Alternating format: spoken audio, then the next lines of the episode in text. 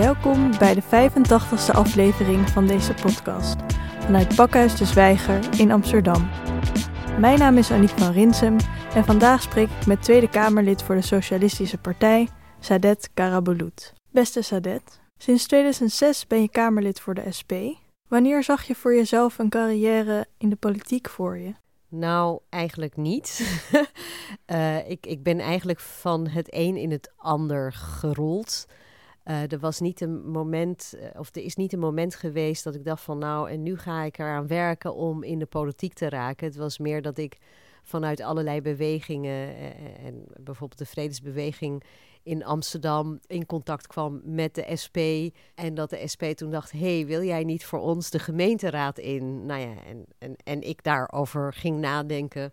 En vervolgens zat ik in die gemeenteraad en toen benaderden ze me of dat ik niet de Tweede Kamer in wilde. Dus uh, het is geen uh, carrièreplanning aan vooraf gegaan. En wat wilde je worden als kind? Waar ik wel eens over heb gefantaseerd is dokter worden, uh, ballerina worden, actrice worden. Vond ik ook allemaal leuk. Ik heb ik heb uh, wel eens geprobeerd een hoofdrol te pak te krijgen in een musical, maar dat zingen ging me niet zo heel erg goed af, dat soort dingen. En hoe ben je toen betrokken geraakt bij die vredesbeweging en hoe oud was je toen ongeveer? Uh, nou, ik, ik ben eigenlijk altijd al wel uh, actief geweest. Um, bijvoorbeeld toen ik op de middelbare school zat in Dordrecht was dat nog, daar ben ik geboren en getogen, kwam ik uh, in actie samen met allerlei andere medescholieren en organisaties in Dordrecht richten wij het platform op tegen discriminatie. Omdat in die jaren was, was er ja, de opkomst van extreem rechts. Jan Maat deed zijn opmaat. Nou, die hele discussie was toen gaande. En wij dachten, hè, maar wat raar. Wij kunnen het allemaal prima met elkaar vinden. En uh, daar moeten we iets tegen doen.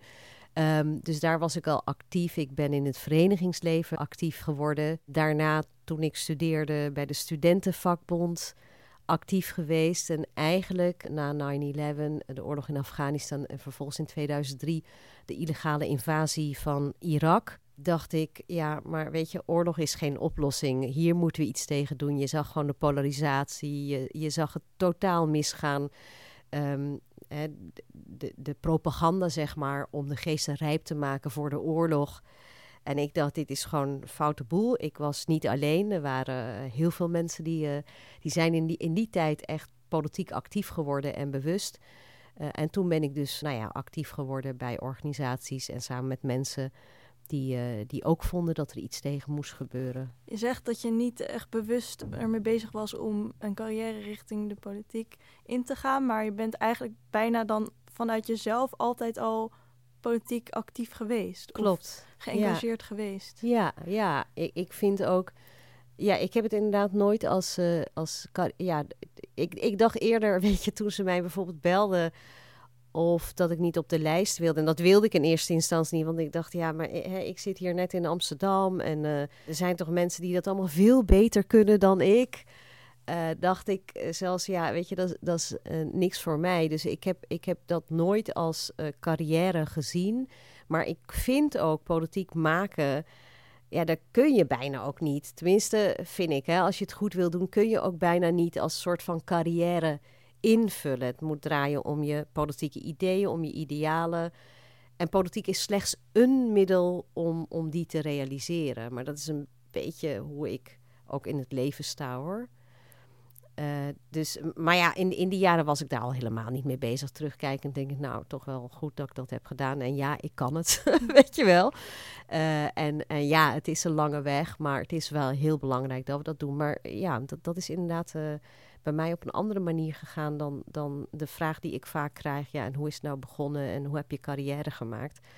Ik denk ook dat als je zo'n stap wil zetten, en wat heel goed is, want het is een belangrijk instrument dat je heel, heel erg goed moet weten wat je wil. Dus je moet goed weten wat je wil, maar aan de andere kant wist je dus ook toen der tijd niet zeker dat je in de politiek wilde. Dus wat moet je dan wel weten? Nou, ik bedoel meer als in hè, welke overtuiging heb je, wat voor wereld wil je, waar werk je aan?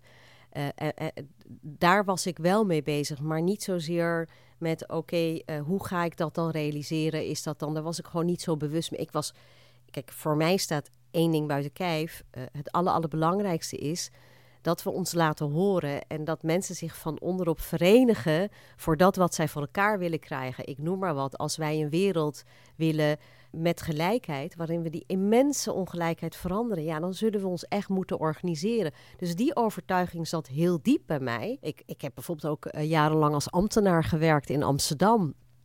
Nou, dus, dus daar, daar uh, ondersteunde ik politici in de actieve politiek. Dat deed ik wel, maar ik zag mezelf daar gewoon niet. En uh, toen ze op mijn schouder stikte, dacht ik, ja, oké.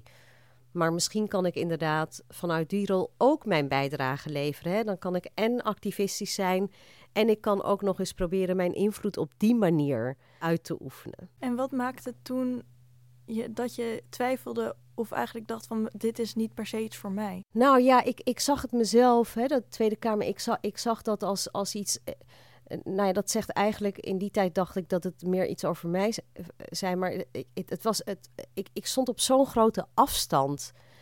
Dus ik herkende mij er niet in. Dat is denk ik één. Het tweede is, ik dacht, ja, maar weet je, ik volgde wel eens debat. Ik denk, waar, wat zeggen ze toch allemaal? Weet je, wat doen ze toch allemaal? En ik dacht, ja, um, ja, ik weet niet of dat, dat voor, voor mij wel het beste middel is. Wil je daar wel uh, tussen, wil je daar wel bij horen? Pas je daar wel tussen? En kan je het wel? Ik bedoel, dat, dat moet ik ook heel eerlijk zijn. Want ik dacht, ja, weet je, er zijn toch veel slimmere, intelligentere mensen die dat allemaal veel beter kunnen dan ik. En met de kennis van nu, hoe kijk je daar nu tegenaan? Ik denk dat het heel erg met de kennis van nu inderdaad. Ik denk dat het heel, heel erg belangrijk is dat juist mensen die vechten voor een recht, om het maar even heel beknopt uit te drukken, dat die een plek krijgen ook in de volksvertegenwoordiging. Ik denk dat ik er goed aan heb gedaan die stappen te zetten. Ik denk dat we enorm veel hebben bereikt en ook weer niet, want dat duurt nu eenmaal lang. Maar ik denk wel dat het, dat het heel belangrijk is dat het geluid van de straat. En natuurlijk kun je verschillen over. Hè, ik bedoel, niet iedereen zal het met mij eens zijn. En niet iedereen zal zich vertegenwoordigd voelen door mij. Maar goed, ik, ja, ik doe toch echt mijn best om, om de stem te zijn van onderdrukte, nationaal, internationaal. Uh, tegen ongelijkheid. Dus, dus op hele duidelijke basis de vredesbeweging. En ik denk dat het belangrijk is dat dat geluid ook in de politiek wordt gehoord. Maar ook Hè, wat ik in die jaren had van ik herkende me niet. Ik vind het super gaaf als mensen mij nu aanspreken of zeggen: Weet je, ik vind het zo goed wat je doet. Waarmee ze zien dat zou ik ook kunnen doen. Die mensen die zich herkennen in je. Ik denk dat dat heel belangrijk is. Nog steeds denk ik dat de verandering echt van onderaf moet komen door te bouwen aan brede coalities, door bewegingen van onderop. Maar ik ben er wel meer van overtuigd geraakt dat het instrument van volkstegenwoordiging ook een belangrijk instrument is. Dat dat ook, een, dat dat ook van belang is dat dat geluid daar uh, gehoord wordt en dat je dat gevecht ook in die arena uh, moet en kan voeren. En als dus in dat instrument er wat meer toegankelijk wordt voor iedereen, wat zou er dan gebeuren en wat, wat voor wereld zouden we dan leven? Als mijn ideaal plaatje uit zou komen, dan, dan uh, zouden we dus daadwerkelijk de grote problemen van deze tijd oplossen. Namelijk dat mensen zeggenschap krijgen eh, op alle mogelijke manieren. Over een directe leefomgeving, over hun stad, over hun bedrijf. Uh, dat wij de grote problemen uh, die ons voorstaan, namelijk wat voor wereld laten wij eigenlijk achter aan de volgende generatie, aan de generatie van mijn kinderen en, en, en, de, en de kinderen die zij zullen krijgen, is dat een leefbare wereld? Of gaan we door met, de, met dit hyperkapitalisme, wat eigenlijk de aarde en daarmee de toekomst van onze kinderen aan het uitputten is? Daar zouden wij duurzame oplossingen voor kunnen vinden. En natuurlijk ook de gelijke rechten. Hè, de immense ongelijkheid in de wereld is gewoon onhoudbaar. Als je ziet dat een handjevol mensen steeds meer macht en invloed en geld naar zich toetrekt ten koste van zoveel.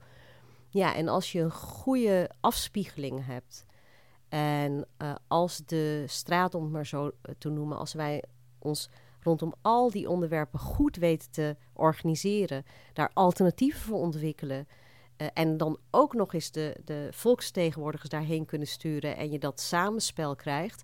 Ja, dan zouden we echt uh, stappen vooruit maken. Of je het nou hebt over oorlog en, vrede, dan zouden we niet, niet uh, doorgaan met de immense militarisering die, die gaande is.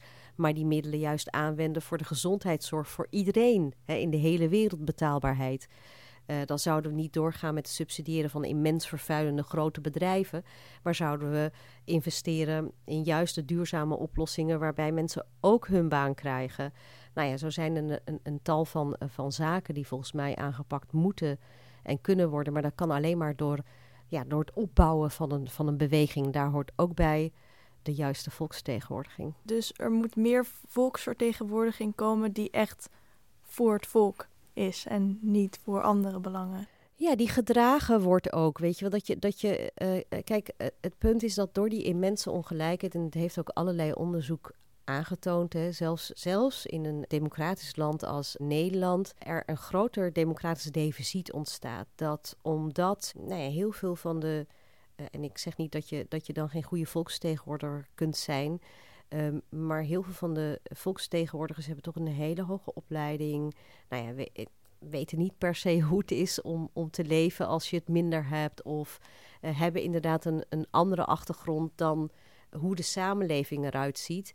Ja, dat wringt toch. En ik denk dat als we dat zouden kunnen oplossen en je meer mensen hebt die daadwerkelijk gesteund worden van onderop en, en eigenlijk voortvloeien uit die beweging, dat je dat kunt verbeteren, dat je democratie echt kunt versterken. Dat je mensen echt meer zeggenschap kunt geven, ook met de instrumenten. Ik bedoel, ook, ook bijvoorbeeld met een, een, referendum, om maar iets te noemen. De laatste jaren lijkt het alsof er steeds meer vrouwelijke rolmodellen in de politiek te vinden zijn, of in ieder geval dat die meer zichtbaar zijn geworden. Hoe kijk jij tegen deze ontwikkeling aan? Ik denk dat het enorm, uh, enorm belangrijk is, of dat het nou uh, in Nederland is of uh, elders in Europa of in de Verenigde Staten, waar de squad met EOC voorop toch echt dat nieuwe geluid inbrengen. Niet alleen inhoudelijk, maar ook dat politiek inderdaad, hoe ik het vroeger zag, van een immense drempel en ja, je niet herkennen.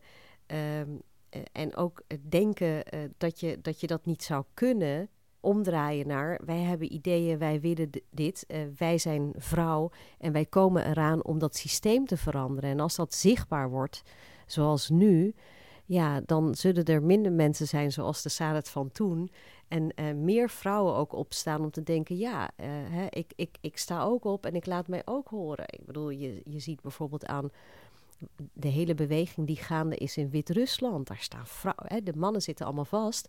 Maar die vrouwen die staan voor die vreedzame oplossingen, die, die, die hebben de lead. En ik denk dat het ook vanuit emancipatoire uh, oogpunt nodig is. Kijk, we hebben natuurlijk de laatste jaren gelukkig ook veel meer discussie over emancipatie en uh, gelijke rechten voor mannen en vrouwen, zeg ik daarbij. En je kunt die discussie op twee manieren voeren. Meer abstract, Um, en oppervlakkig, als in we gaan tellen hoeveel vrouwen zitten aan de top. En uh, nou ja, verdienen vrouwen, even, uh, verdienen vrouwen aan de top evenveel. Dus dat je echt alleen maar naar de toplaag gaat kijken. Of we kunnen op zoek gaan naar wat maakt dat, want dat is mijn overtuiging, dit systeem vrouwen nog steeds achterstelt. Want er is gewoon sprake van structurele achterstelling. We hebben niet, de gelijke, niet al de gelijke rechten als je het hebt over beloning, maar ook niet de omstandigheden dat vrouwen zich op eenzelfde manier uh, kunnen inzetten als mannen. Als je het hebt over uh, zorg en arbeid, als je het hebt over beloning, um, uh, als je het hebt over representatie. Maar ook de ongelijkheid. Weet je, dit, dit systeem raakt als eerste bekijk het even vanuit internationaal perspectief, uh, de armste lagen van de bevolking. En daarin zijn vrouwen en kinderen als eerste het slachtoffer. Of je het nu hebt over de slechte baan of de, de onzekere banen met een hele lage beloning. Of je het hebt over oorlog en vrede. Ze zijn altijd het eerste het slachtoffer. En zij zijn altijd degene die als eerste de zorgtaken op zich moet nemen. En dat heeft te maken met uh, een, een, ja, een, een hyperkapitalistisch systeem wat ook die structuren in stand houdt. En willen we dat doorbreken, zullen we ook uh, politiek, actief uh, moeten worden. En is het belangrijk, die zichtbaarheid, en is het ook belangrijk dat we die analyses maken, dat we voor onze rechten, nou dat hebben we natuurlijk de afgelopen jaren ook volop gezien. Zeker met de opkomst van Trump en Bolsonaro en allerlei andere macho, ik noem dat het sterke mannen-syndroom. Die uh, denken de problemen, of althans voordoen, dat ze de problemen, de grote problemen van deze tijd met autocratische trekken en dat sterke mannen-syndroom kunnen oplossen. En tegelijkertijd tornen aan de rechten die we tot nu toe wel hebben bevochten. Daar gaan massa's vrouwen uh, tegenin en de straat op. Soms ook onder hele moedige omstandigheden. En dat is belangrijk. Dat is belangrijk ook voor de veranderingen die we voor elkaar moeten krijgen. Het is belangrijk in het parlement. Het is belangrijk buiten het parlement. En hoe denk je dat het komt dat nu juist of de laatste jaren steeds meer vrouwen opstaan en zichtbaarder zijn geworden in die rol? Omdat het systeem ons meer raakt. De, de ongelijkheid groeit gewoon feitelijk. De onderdrukking wordt zichtbaarder het feit dat Trump, Bolsonaro, Poetin, uh, Erdogan uh, zichtbaar aan de macht zijn. En ook nou ja, dat sentiment dat, dat vrouwen maar eigenlijk een tweederangs burger zijn. En min of meer terug moeten achter het aanrecht. Ja, dat maakt ook dat, denk ik, heel veel mensen wakker geschud worden. En ook natuurlijk, weet je, ik heb zoveel, zeker ik ben ook jarenlang woordvoerder sociale zaken geweest dan ging de discussie in de Kamer bijvoorbeeld over uh, vrouwen aan de top en vrouwen moeten dit en vrouwen moeten dat. En uh, alleenstaande vrouwen met een uitkering die moeten aan het werk. En de praktijk was een hele andere. Namelijk dat die alleenstaande vrouwen dolgraag aan het werk wilden of werk hadden. Maar dat ze daarvan niet kunnen rondkomen. Maar dat ze het niet konden combineren bijvoorbeeld met de opvoeding van hun kind. Dus weet je, ook op belangrijke zaken als werk en zorg en inkomen zie je ook die achterstelling en de systemische fouten. En ik denk dat, dat er gewoon een, moment is en, en komt en gaande is dat al die zaken bij elkaar genomen en uh, dat er een nieuwe generatie echt is opgestaan. Dat vind ik nog het gaafste om te zien. Echt een nieuwe jonge generatie die zich, die zich realiseren wat ooit is verworven aan rechten. En zien dat ze achtergesteld worden. Niet alleen retoriek, maar ook in con concrete maatregelen die het niet meer pikken. En, en uh, ja, ik hoop dat we die strijd voor gelijke rechten verder kunnen opvoeren. Wat is er nodig om echt een volledige gelijkheid te hebben binnen de politiek voor mannen en vrouwen? Nou, ik denk dat het heel belangrijk is dat, uh, dat, dat meer vrouwen ook actief worden in de politiek. Uh, ik denk dat het heel erg belangrijk is dat politieke partijen zich dat ook realiseren dat uh, vrouwen niet alleen actief worden, maar dat ze ook. Hè, ik bedoel, ik ben heel trots en blij dat voor mijn partij wij bijvoorbeeld een vrouwelijke fractievoorzitter hebben. Ja, dan kun je zeggen, is niet belangrijk. Nou, is wel belangrijk. Ik bedoel, anders zie je er alleen maar mannen staan. Hè, Lilian Marijnissen uh, is een vrouwelijke uh, fractievoorzitter. Esther Ouwehand hebben we voor de Partij van de Dieren. Nou, nu hebben we van Merel Koten-Ares, die, zich, die natuurlijk verschillende... Althans, ze komt van de Partij voor de Dieren, is overgestapt en uh, is nu een eenmansfractie, als ik het laatste nieuws goed heb bijgehouden. En dat is het dan, weet je wel. En dat is natuurlijk ook een ongezonde situatie, want het representeert ook niet de werkelijkheid. Ik denk dat dat heel erg belangrijk is. Het heeft ook te maken met invloed. Namelijk dat je daar kunt uitspreken wat er moet gebeuren. Uh, dat je daar kunt agenderen en programmeren, het geweld tegen vrouwen. Dat je daar die, uh, die ongelijkheid een speerpunt kunt maken. Dat je kunt pleiten voor zekere contracten. Al die zaken. En ook internationaal gezien is het, uh, is het enorm belangrijk. En dat zien we wel aan de inspirerende bewegingen en ook de nieuwe, de nieuwe generatie leiders die aan het opstaan zijn. Maar is het een kwestie van dat de vrouwen gewoon maar moeten beginnen? Zijn er gewoon niet genoeg vrouwen die de politiek ingaan? Waar ligt dat dan aan? Er zijn natuurlijk obstakels. Het is niet altijd gemakkelijk om alles maar te, te, te kunnen doen. Laat staan dat je het doet. Dus de omstandigheden. We hebben simpelweg onze maatschappij niet zo ingericht dat mannen en vrouwen gelijke taken op zich kunnen nemen. Zo is het ook. En dat maakt denk ik dat daar al een eerste drempel is. Dat veel vrouwen, al zouden ze willen, die stap niet kunnen zetten. Uh, de tweede is natuurlijk, als je al wil, bijvoorbeeld uh, mijn eigen ervaring. Ja, als ik nee had gezegd, was het allemaal niet geweest. Maar ja, het is wel heel belangrijk dat je mensen in je omgeving hebt die dan zeggen: Ja, weet je, dit, dit, moet je doen, dit is belangrijk. De derde is dat je dan ook een plek krijgt. Want we hebben nog steeds geen evenredige vertegenwoordiging. Vrouwen zijn nog steeds in de minderheid, ook in de, in de politiek. En vervolgens moet je natuurlijk ook nog eens gelijk behandeld worden. Nou, dat is een heel subjectief uh, begrip, maar daar zijn ook alle. Hè, het is nog steeds niet helemaal gewoon en, en uh, het is, vrees ik, nog steeds wel een staande praktijk zonder daarover te willen kragen. Want ik sta mijn mannetje wel dat vrouwen en mannen gelijk uh, behandeld worden. Dus het hangt zeker niet alleen maar van de vrouwen af dat ze actief moeten worden. De omstandigheden moeten we ook veranderen en we moeten ook aan, aanmoedigen dat dat gebeurt. En in de basis denk ik dat het ook te maken heeft met je organiseren. Ik denk dat het daar echt mee begint. En ik denk dat het ook geldt voor gelijke rechten voor mannen en vrouwen. De koppen bij elkaar steken. Wat is hier aan de hand? Wat zouden we willen? En van daaruit kun je elkaar ook versterken. Kun je elkaar ook steunen, ook als vrouwen. En zijn er, denk je, verschillen tussen mannelijk leiderschap en vrouwelijk leiderschap? En zo ja, wat zegt dat ons dan? Ik denk dat het heel erg belangrijk is wat voor politiek je voorstaat. Dus je ideeën. Ik denk dat dat toch uh, het belangrijkste is. Ik zou uh, nooit op iemand als Margaret Thatcher kunnen stemmen, bijvoorbeeld. Uh, gewoon omdat zij een, nou ja, het neoliberalisme natuurlijk heeft geïntroduceerd. En aan de voet stond van de grotere veranderingen, de privatiseringen, de verschaling en versobering van de sociale zekerheid, uh, de oorlogspolitiek, et cetera, et cetera. Dus uh, dat is denk ik echt wel het belangrijkste. En vervolgens denk ik dat, dat je niet kunt veralgemeniseren voor vrouwen in zijn algemeenheid. Maar ik denk wel dat, nou ja, neem, neem bijvoorbeeld Jacinda Arden. Die heeft een hele andere manier van leiding geven, van leiderschap, uh, een andere stijl dan, ik noem maar wat, een Erdogan of een Trump of wat dan ook. Uh, dat heeft um, uh, te maken met haar inhoudelijke politiek, want die verschilt fundamenteel. Maar het heeft natuurlijk ook te maken met de manier waarop ze dat doet. Ze doet dat verbindend. ze doet dat vanuit een zekerheid. Ze doet dat uh, zonder het macho gedrag en dat syndroom wat sommige mannen hebben, namelijk dat ze zich sterk moeten uh, voordoen. Dus dat kan zeker een verschil maken, maar hoeft niet altijd, zeg ik daarbij. Er zijn ook, uh, er zijn ook vrouwen die zich gedragen, niet alleen inhoudelijk, maar ook in, in leiderschap zo gedragen. Maar ja, ik denk dat, vrouwelijke, dat we wel wat meer vrouwelijke eigenschappen. En daar wordt uh, vaak gezegd, en ik denk dat er ook wel een kern van waarheid in zit, dat vrouwen veel meer genegen zijn tot overleg, samenwerken, et cetera, et cetera. Dat zijn wel zaken die we nodig hebben in de politiek, absoluut. Maar die zouden ook uitgedragen kunnen worden door mannen? Daar ben ik van overtuigd. Ja, ja daar ben ik van overtuigd. Er zijn echt ook hele goede mannen die pal staan voor de vrouwenrechten en andersom. Heb je jouw vrouw zijn ooit als obstakel gezien in je werk als politicus? Nee, Nee, nee, ik ben daar te, te trots en uh, ja, te trots en eigenlijk ook wel zelfverzekerd als in ik voel me gesteund door zoveel mensen.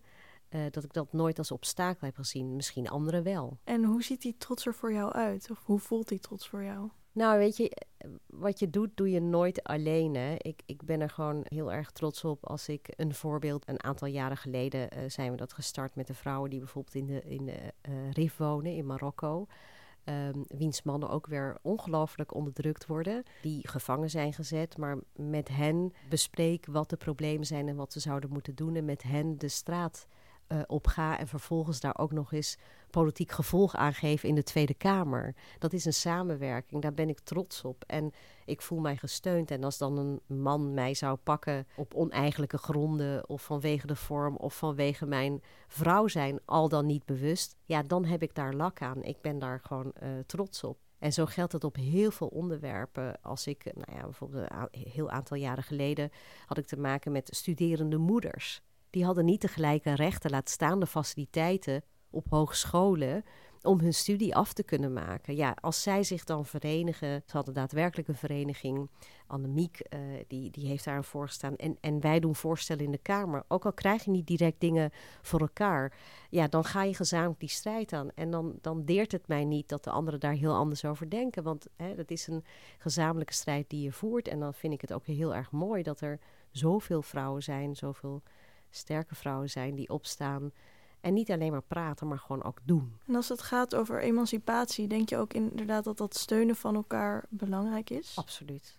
Ja, ja ik, ik ben daar in de loop der jaren uh, heel erg van uh, overtuigd geraakt. Ik, ik heb in die zin ook wel een verandering doorgemaakt. De, voordat ik begon met werken en zo, dacht ik, ja, we, we hebben heel veel bevochten en het zal wel loslopen. En ik bedoel, tuurlijk, mijn strijd was, was breder, maar Ehm, ik, ik, ik, had niet het idee, of ik, ik had nooit kunnen bedenken de stappen die we achteruit kunnen zetten in onze rechten, maar ook dat je belemmeringen tegenkomt in het pad dat je bewandelt. En dat, dat het wel degelijk belangrijk is om nog steeds je in te zetten voor die gelijke rechten, omdat we er nog lang niet zijn.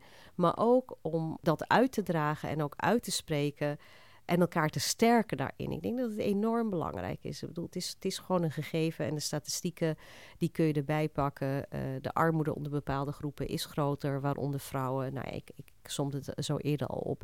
Dus ik denk dat, dat, dat, dat we elkaar heel erg kunnen versterken. En ook los van de positie die je bekleedt. Ik heb mij wel eens gestoord aan, uh, en dat was een, een, een, tijd lang, dat is nu echt wel veranderende, ging het debat alleen maar over vrouwen op hoge posities. Ook heel belangrijk. Maar ja, degene die dan aan de baas stonden, die niet eens door die betonnen vloer door, uh, door waar ze niet eens doorheen beukten en niet eens aan de bak kwamen, die, die werden dan links gelaten. Nou, die koppeling en het inzien dat het een systemisch probleem is en elkaar dan ook nog eens versterken, is enorm belangrijk om echt, echt veranderingen af te dwingen. Ja, en over dat systemische probleem gesproken is seks en gender natuurlijk niet de enige factor waarop discriminatie of uh, ongelijkheid plaatsvindt, maar ook bijvoorbeeld afkomst, etniciteit. Ja. In hoeverre hebben we het nodig om dat ook als één geheel te zien en uh, op wat voor manier ben jij daarmee bezig? Ik denk dat, dat je gelijke rechten inderdaad heel breed moet zien en dat het, dat het niet alleen uh, zich beperkt tot, tot de seksen, um, maar ook je inkomen um, hè, klassisme, uh, ook inderdaad racisme, discriminatie.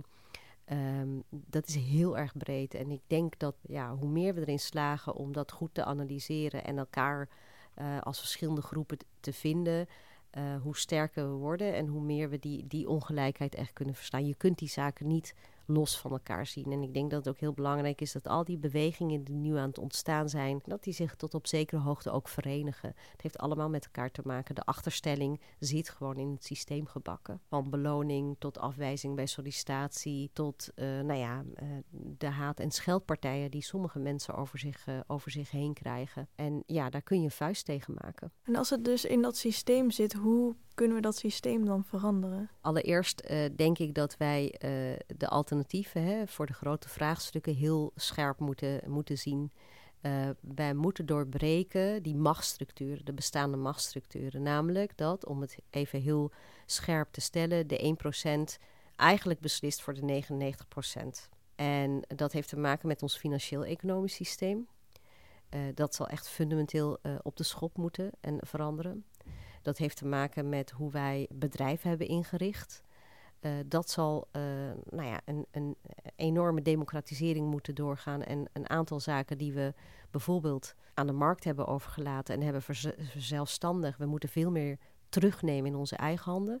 Te beginnen met dat wat belangrijk is voor ons allemaal: openbaar vervoer, zorg, onderwijs. We zullen heel veel moeten investeren in het onderwijs. Ik bedoel, hè, dat zit niet in al die economische modellen, maar dat kan ons zoveel sterker, zoveel slimmer, zoveel beter maken. Um, uh, de hele, het hele idee, dat hele kader van culturen die tegenover elkaar staan, mannen en vrouwen die tegenover elkaar zouden staan, het vijanddenken, hè, het de ander wegzetten, of mensen wegzetten als de ander. Groepen, vrouwen, mensen met een andere afkomst, homoseksuelen, bestempelen als de ander uh, de vijand. In dat kader past ook dat we ons moeten bewapenen tegen de vijand. De militarisering, de militarisering van allerlei menselijke vraagstukken. Wat je dus heel sterk terugziet in bijvoorbeeld de politiek van, ik noem even de uiterste Trump, Bolsonaro, Erdogan. Maar waar we in Europa ook middenin zitten, zullen we moeten kantelen we moeten kantelen. Uh, en al die zaken, uh, die miljarden die nu gaan naar bewapening, allerlei permanente oorlogsvoering, de bedrijven die eigenlijk onze planeet uitbuiten, te beginnen bij de armsten, zullen we allemaal moeten aanpakken. Dat zijn de alternatieven, dat zijn de plannen. En hoe je dat doet, is door alle bewegingen die je nu ziet te versterken van onderop dat geluid. Door ook die verdeeldheid die er is, hè, want er is ook een, sprake van een zekere verdeel- en heerspolitiek. Um, om die te overbruggen, elkaar te vinden En dan vervolgens uh, zo sterk te worden dat de politiek niet meer om je heen kan. En dat is bewezen. Dat is bewezen. We zien het met de. En dat, dat is natuurlijk ook wat mij hoop geeft. We zien het met de klimaatbeweging. Ik bedoel, hoe gaaf is het dat die. Weet je, voor mijn kinderen is het allemaal. Die zijn nog heel jong hoor. Maar is eigenlijk geen issue. Die zien dat in. Die vinden, die vinden zo'n zo'n gesprek over hoe je omgaat en wat vervuiling is. Vinden dat super normaal. De middelbare scholieren, die stonden voorop. We hebben natuurlijk studenten uh, op straat gezien de afgelopen jaren Oké, de laatste tijd niet meer zo, maar voor democratisering van een universiteit. We hebben de vrouwenbeweging op straat gezien en niet te vergeten de Black Lives eh, Matter movement. En nu hebben we te maken met een afschuwelijk iets, namelijk terroristische aanvallen, religieus geïnspireerd, uh, jihadistisch. Hoe gaan we daarmee om? Hoe gaan we om met dit soort vraagstukken? Ik denk dat dat, ja, weet je, ga je weer de taal van haat en verdeel en heers en gaan we elkaar wantrouwen? Trappen we precies in die val? Of uh, gaan we dit doen door een aantal systemische problemen op te lossen, maar ook door elkaar te blijven zien uh, als, uh, als gewoon mens. En misschien door minder oorlog te voeren in andere landen, de voedingsbodem van dat extremisme weg te nemen, te investeren in ons onderwijs, te investeren in gelijke rechten in het samenleven. Het kan allemaal.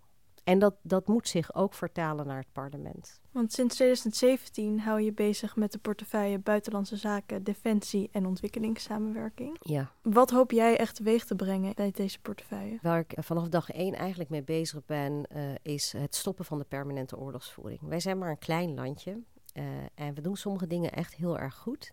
Uh, diplomatiek zijn we sterk. Maar we hebben eigenlijk geen eigen buitenlandbeleid. We zijn een soort van de vazal van de Verenigde Staten, NAVO. Um, en vanuit dat denken en de zogenaamde War on Terror na 9-11, waarbij terrorisme uitgeroeid zou worden, uh, heeft uh, Nederland militair dan wel politiek allerlei oorlogen gesteund. Oorlogen, Irak, Syrië, uh, Afghanistan. Syrië is een iets ander verhaal, maar Irak, Afghanistan, Libië. En ons werd beloofd door Bush en allerlei mensen die leugens verzonnen om die oorlogen te starten, dat dat meer veiligheid, minder terrorisme en goed zou zijn voor de mensen daar. De praktijk is een totaal andere. De polarisatie is gegroeid, het aantal terroristische aanslagen daar en hier is groter geworden, de onveiligheid is gebroeid. Het is geen oplossing. En wij doen daar iedere keer aan mee omdat bondgenoten dat verwachten. En dat dat, dat beleid, hè, die militaire strategie, die buitenlandpolitiek moet veranderen. Dat, nou, daar heb ik over gepubliceerd, maar ook telkens weer de debatten daarover aangegaan. En nu blijkt ook, de, de, uh, dat, dat, de afgelopen jaar heb ik twee grote vraagstukken, namelijk de burgerdoden in Hawija, waarover gelogen en gezwegen, gezwegen werd, het grootste bombardement uh, van Nederland in de geschiedenis van de Koninklijke Luchtmacht, in Hawija, Irak. Uh, er zijn fouten gemaakt, er zijn burgerslachtoffers bij omgekomen, 70. Kijk, aan mij lag het al niet. Ik weet, oorlog is geen spelletje en schone, precieze oorlogen bestaan niet. Maar dat is jarenlang verzwegen, daar is over gelogen. Maar ook de hele uh, oorlog in Afghanistan, daar zitten we nu al bijna 20 jaar. De Taliban zou verdreven worden. Het einde van het verhaal is nu dat ze om tafel zitten met de Taliban. Daar moeten we mee stoppen. Dat is één ding. Dat is één ding wat, wat enorm belangrijk is. Het tweede is uh, de hele discussie over wat is veiligheid. Die wordt zo eng gevoerd en wederom zo bepaald door die grote krachten, die eigenlijk uh, de belangen van die 1% bedienen. Namelijk, wij moeten doorgaan met de NAVO. De NAVO wil dat wij steeds meer uitgeven aan bewapening. Dat, dat moeten Europese landen ook. Daardoor ik bedoel, het is echt super surrealistisch. Maar minister Beideveld is helemaal gek geworden. Ze heeft een nota geschreven. Ze wil dat we toegaan naar een situatie dat we 13 tot 17 miljard extra uitgeven aan defensie. En daarvoor moeten we alles kunnen. We moeten meedoen aan die permanente oorlogen, het hoogste geweldspectrum, alles, alles. Dat gaat zo in al die landen. De Verenigde Staten loopt voorop. Maar iets heel gevaarlijks, dat is echt naast klimaat en ongelijkheid, een van de grootste gevaren op dit moment, is dat die grootmachten, eigenlijk uh, vooroplopend de VS, investeren in nieuwe, moderne kernwapens voor duizend miljard de komende decennia. Rusland doet dat uiteraard ook en China die volgt op afstand. En dat is zo gevaarlijk. En die, die kernwapens die liggen ook bij ons. En ik vind dat hele militaire denken waarvan is bewezen dat meer uitgeven, want dat hebben we gedaan, niet leidt tot meer veiligheid. Dat de inhoudelijke strategie verkeerd is. Dat het zo beperkt wordt, bijvoorbeeld ook het probleem van vluchtelingen, tot, uh, uh, tot, tot militaire oplossingen, dat dat anders moet. Dat moet echt veranderen. Door die oorlogsvoering te stoppen, uh, de budgetten die, die nu nodig zijn, vooral in de VS zou ik zeggen, te investeren in bijvoorbeeld dat, dat wat nodig is, gezondheidszorg. Uh, nieuwe duurzame oplossingen. En vervolgens in Nederland samen met de Europese Unie een alternatief te bedenken voor de NAVO, die eigenlijk uh, nou ja, zijn langste bestaan wel heeft gehad. En dat betekent ook dat we voorop moeten lopen in het ontwapeningsinitiatief, namelijk dat kernwapens, Amerikaanse kernwapens, die hier in Volkel liggen, maar ook in Duitsland en in Breugel en in België, dat die van Europese bodem moeten verdwijnen en dat daartegenover natuurlijk de Russen ook hun kernwapens weg moeten doen. Want het eerste doelwit zijn wij daarmee, niet de Amerikanen. Nou, hier ben ik heel druk mee bezig geweest en eigenlijk nog steeds uh, mee bezig. En dat zijn, uh, ik realiseer me dat grote thema's. Maar het heeft toch alles met elkaar te maken, want ik noemde het al uh, even aan het begin. Het is ook een voedingsbodem voor radicalisering en extremisme op allerlei mogelijke manieren. En we zien daar een glimp van terug, de afschuwelijke terroristische aanvallen. Maar in het Midden-Oosten is het al om. Er was onlangs een Amerikaanse studie die uh, had berekend wat nou het effect was van de afgelopen decennia van uh, waar Amerikaanse oorlogen waar Amerika had bijgedragen aan oorlogsvoering in acht landen. Uit mijn hoofd 32 miljoen mensen op de vlucht. Het grootste aantal van de 20e eeuw als je de Tweede Wereldoorlog niet meerekent. Dat is immens. Dat zijn intern ontheemden, maar dat zijn ook mensen die uiteraard naar ons continent komen. En dat komt dus ergens vandaan. En, en dat kun je niet oplossen met militaire middelen en dan kun je niet daarna gaan klagen, ja, maar ze komen eraan, ze nemen onze samenleving over. Natuurlijk heeft het effect als je ergens oorlog voert.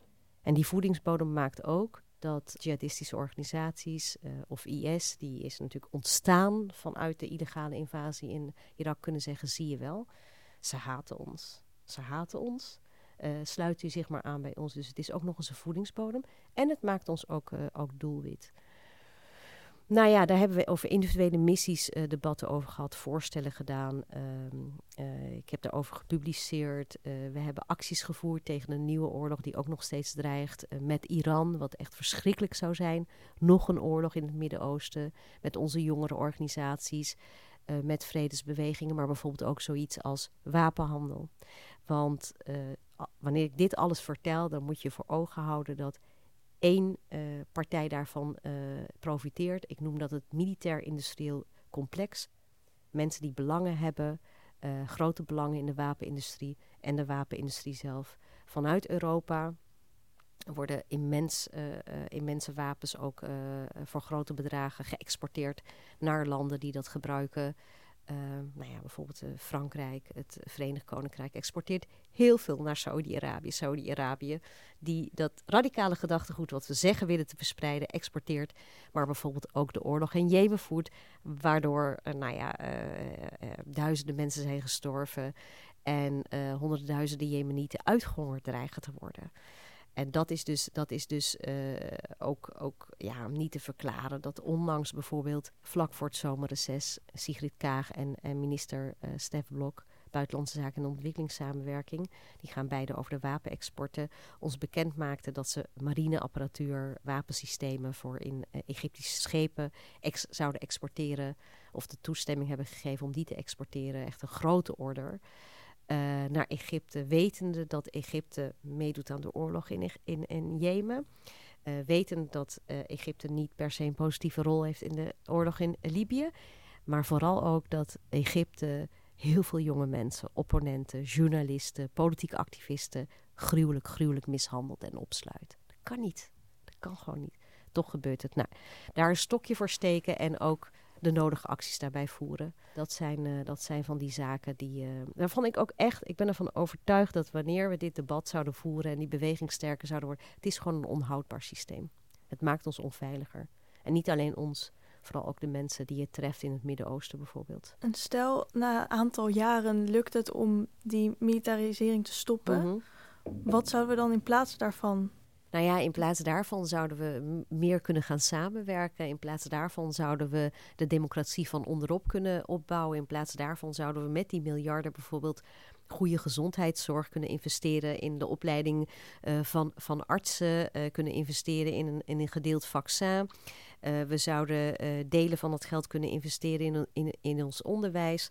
landen zouden gewoon prima in vrede met elkaar kunnen samenwerken. We zouden een kernwapenvrij Europa, een, toe naar een kernwapenvrij vrije wereld voor elkaar kunnen krijgen. Nou, dat betekent dat, ja, dat één existentiële bedreiging voor de mensheid wordt weggenomen. We zouden kunnen investeren in duurzame groene bouwen, banen. Ik bedoel, het is, het is immens wat we, wat we, wanneer we die route zouden verlaten. en zouden gaan voor een groene, eerlijke wereld zonder oorlog en, en zonder ongelijkheid zouden we echt stappen voorwaarts kunnen maken. Je hebt natuurlijk al een beetje gezegd, maar waarom gebeurt dit niet? Omdat, de, omdat, de, omdat we, kijk, wij hebben de aantallen. Hè, als mensen, als bevolking zijn we met de aantallen, maar zij hebben de macht. Zij hebben de macht en ze verdelen, ze heersen. En zij zijn? Zij zijn degene die dit systeem aanhangen en dit systeem verdedigen.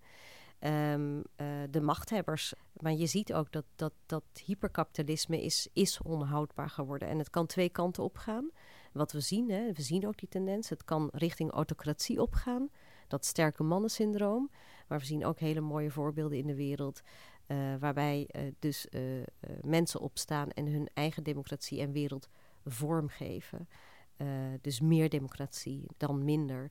Het kan een kant op gaan dat de miljonairs en de biljonairs en de multinationals nog meer krijgen en door kunnen gaan met verwoesting en, en het in stand houden en nog groter maken van de ongelijkheid.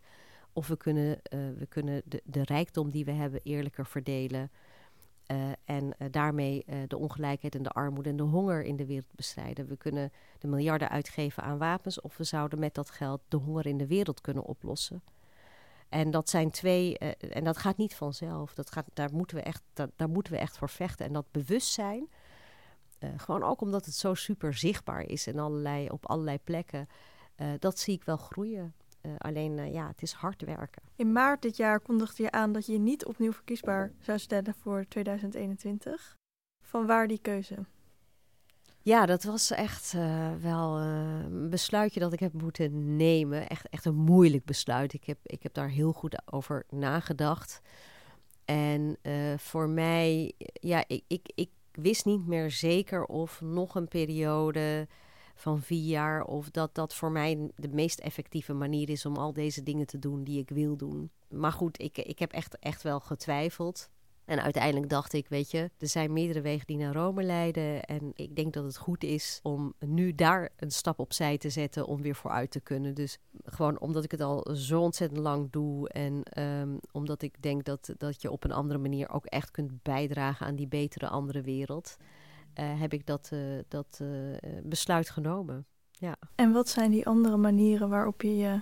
ja, dat weet ik nog niet. Maar goed, mijn activisme zal niet in ene verdwijnen. En, en mijn idealen ook niet. Dat kan, weet je, dat gebeurt natuurlijk wij doen net, of althans uit dit gesprek zou je ook kunnen opmaken alsof alle, alle verandering is juist buiten het parlement op dit moment gaande. Weet je, want die, die lopen voorop. Dus er zijn zoveel manieren en zoveel mensen dagelijks mee bezig. Dus ja, in die zin zal ik volksvertegenwoordiger in, in die rol af zijn en gewoon weer uh, uh, mij aansluiten bij uh, waar ik eigenlijk al onderdeel van uitmaakte en wat ik professioneel ga doen. Dat weet ik gewoon nog niet. Daar ben ik heel hard over aan het nadenken. Maar er zijn heel veel mogelijkheden.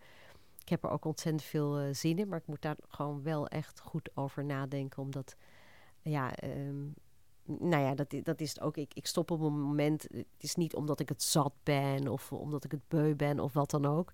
Ik vind het nog steeds wel heel erg leuk. Dus ik moet daar ook mee, in wat ik ook ga doen, mijn energie in kwijt kunnen. En het moet wel bijdragen aan het grote geheel. We houden je in de gaten. Heel erg bedankt voor je komst. En jij ook bedankt. Beste luisteraars, dit was de 85ste aflevering van de podcastserie van Pakhuis de Zwijger. Wil je meer weten over dit onderwerp? Kijk dan live mee met de livecast Politieke Vrouwen op woensdag 11 november of kijk het later terug als je dit later luistert. Een rating achterlaten of je abonneren op deze podcast kan via SoundCloud, Spotify, iTunes of een ander podcastplatform. Dank voor het luisteren en tot de volgende keer. Thank you.